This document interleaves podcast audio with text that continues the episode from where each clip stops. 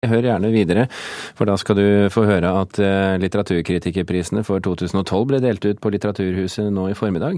En priskategori som er ny av året, er beste sakprosabok for voksne. Den gikk til boken En norsk tragedie av Åge Storm Borchgrevink. Kritikerlaget har eksistert i 61 år, og en kan jo undre seg på hvorfor sakprosaen ikke har funnet eh, veien frem tidligere. Kritikerlaget har diskutert dette i flere år om tiden var inne til å opprette en sånn pris, og det ble vedtatt på årsmøtet i fjor. Og da satte vi i gang med å arbeide, eh, slik at den første prisen kunne altså utdeles nå for 2012.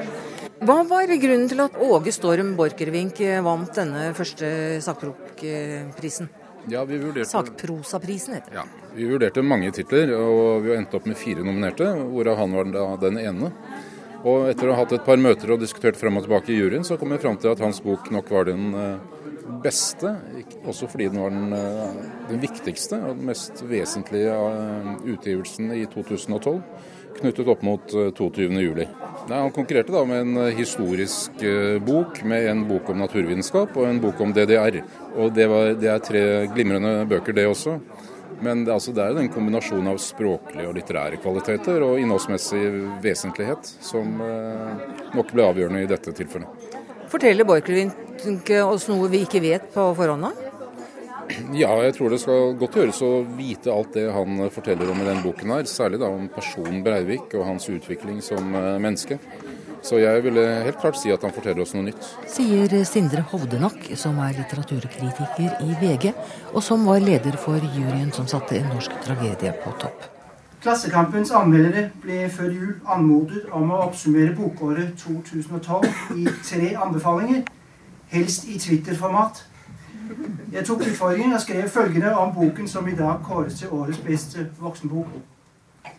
En forfatter i toppform blåser liv i den politiske romanen, dypt og lettlest. Leder for juryen som valgte Vigdis Hjorts 'Leve posthornet' som årets beste skjønnlitterære bok for voksne, var Klassekampens litteraturkritiker Henrik Kaiser Pedersen. Beste oversettelse i fjor ble gjort av Agnes Banak, og beste barne- og ungdomsbok ble skrevet av Kari Stai, mener kritikerlagets medlemmer. Til sist årets kritiker. Var planen min i går å skrive en fyndig takketale, men den opp med å skrive en masse nye regler for fotball. Som uh, Jeff-side, f.eks. Der spillet blir avblåst for det heter Jeff.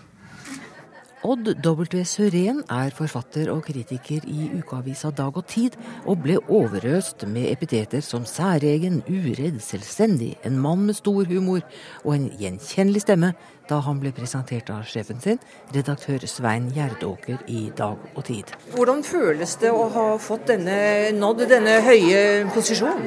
Det, det føles selvfølgelig veldig bra. og eh, Særlig for en som står utenfor kritikerlaget. Eh, til tross for iherdige vervingsforsøk, eh, bl.a. i fjor.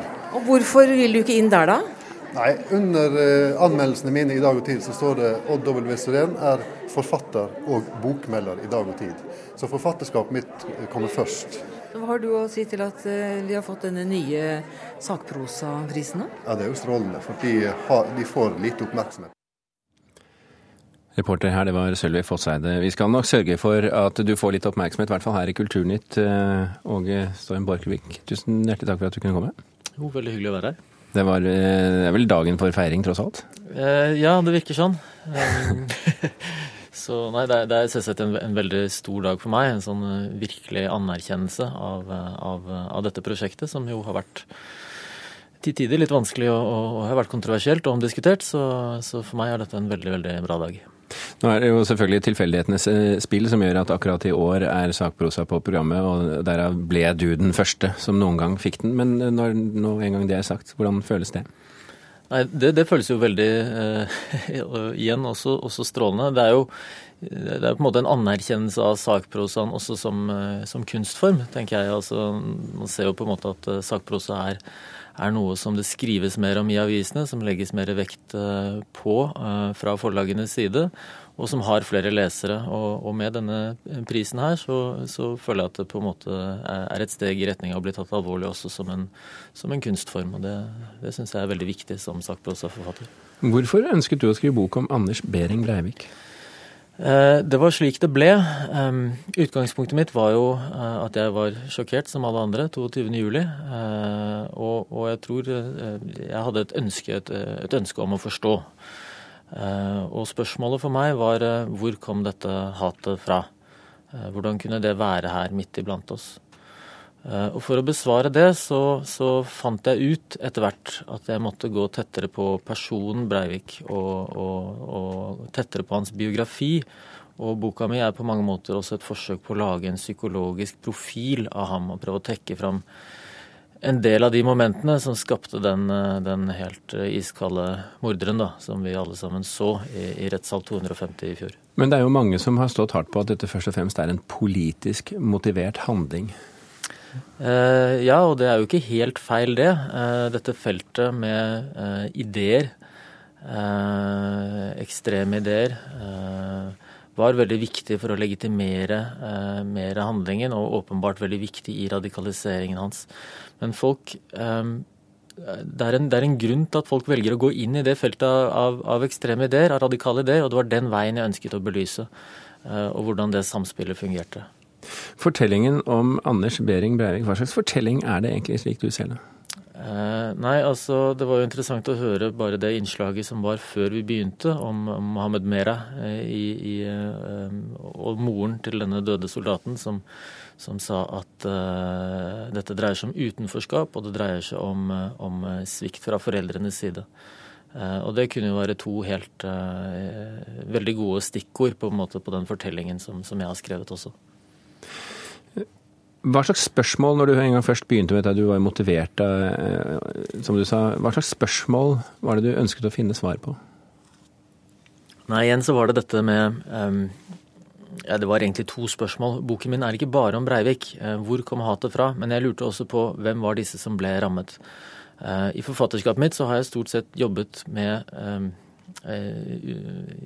med utlandet. Jeg, jeg, min jobb er til daglig i, i i en, i en, menneskerettighetsgruppe, og jeg har jobbet mye i krigssoner Balkan og Kaukasus bl.a. Um, så det å komme tilbake til Norge og se, prøve å finne ut hvem også de var som ble angrepet av AUF-ene, det, det, var veldig interessant for meg. Dette nye Norge som har blitt skrevet veldig mye om i, i etterkant, det var, det, var, det var, også noe jeg ønsket å finne ut av. Um, så, uh, men, men, igjen, uh, hovedspørsmålet for meg var nok uh, hvordan kunne dette være mulig hos oss her hjemme hos oss, og hvor kom dette hatet fra? Og det er det er nok i hovedsak det spørsmålet jeg har forsøkt å besvare da med, med boken min. Du fikk eh, mye kritikk for å avsløre sider ved Anders Behring Breiviks liv som tilhører privatsfæren, og ikke minst moren til Breiviks privatsfære. Eh, hvordan svarer du på den kritikken i dag? Um, nei, det, altså det der er, er, veldig vanskelig. og Dette her er en vurdering, og jeg har respekt for at folk kan gjøre ulike vurderinger. Eh, men dette dreier seg om eh, å balansere det som er offentlighetens interesse i å vite eh, hva som utløste og hva som lå bak denne tragedien, en nasjonal tragedie, mot hensynet til å ta vare på, på, på enkeltmenneskers privatliv. Og der har jeg gått et godt stykke inn i å fortelle da, både fra ja, Breiviks bakgrunn, men også den som berører hans aller nærmeste, moren og faren bl.a. Um, jeg har satt opp noen uh, grenser. Um, uh, jeg ville ikke fortelle syns ikke jeg kunne fortelle alt, men i noen, noen, grad, for å fortelle historien om en person, så er det veldig vanskelig å komme utenom noen av de nærmeste, og, og særlig da kjerneårene når han var helt, helt liten. Men, men Breivik selv har jo gjort sine valg Moren har jo ikke gjort sine valg knyttet til denne terroraksjonen. Nei, det, det, det er jo helt, helt åpenbart. Men um, det, er, uh, det, er, noen ting som former oss som mennesker, og, og mye av det har å gjøre med barndom og, uh, og omsorg, uh, tilknytning i de tidlige årene. og for å lage en, en, psykologisk profil som på en måte binder sammen det det, det psykiaterne som utredet familien helt på begynnelsen av 80-tallet, kalte for eh, en, en, en tilknytningsforstyrrelse.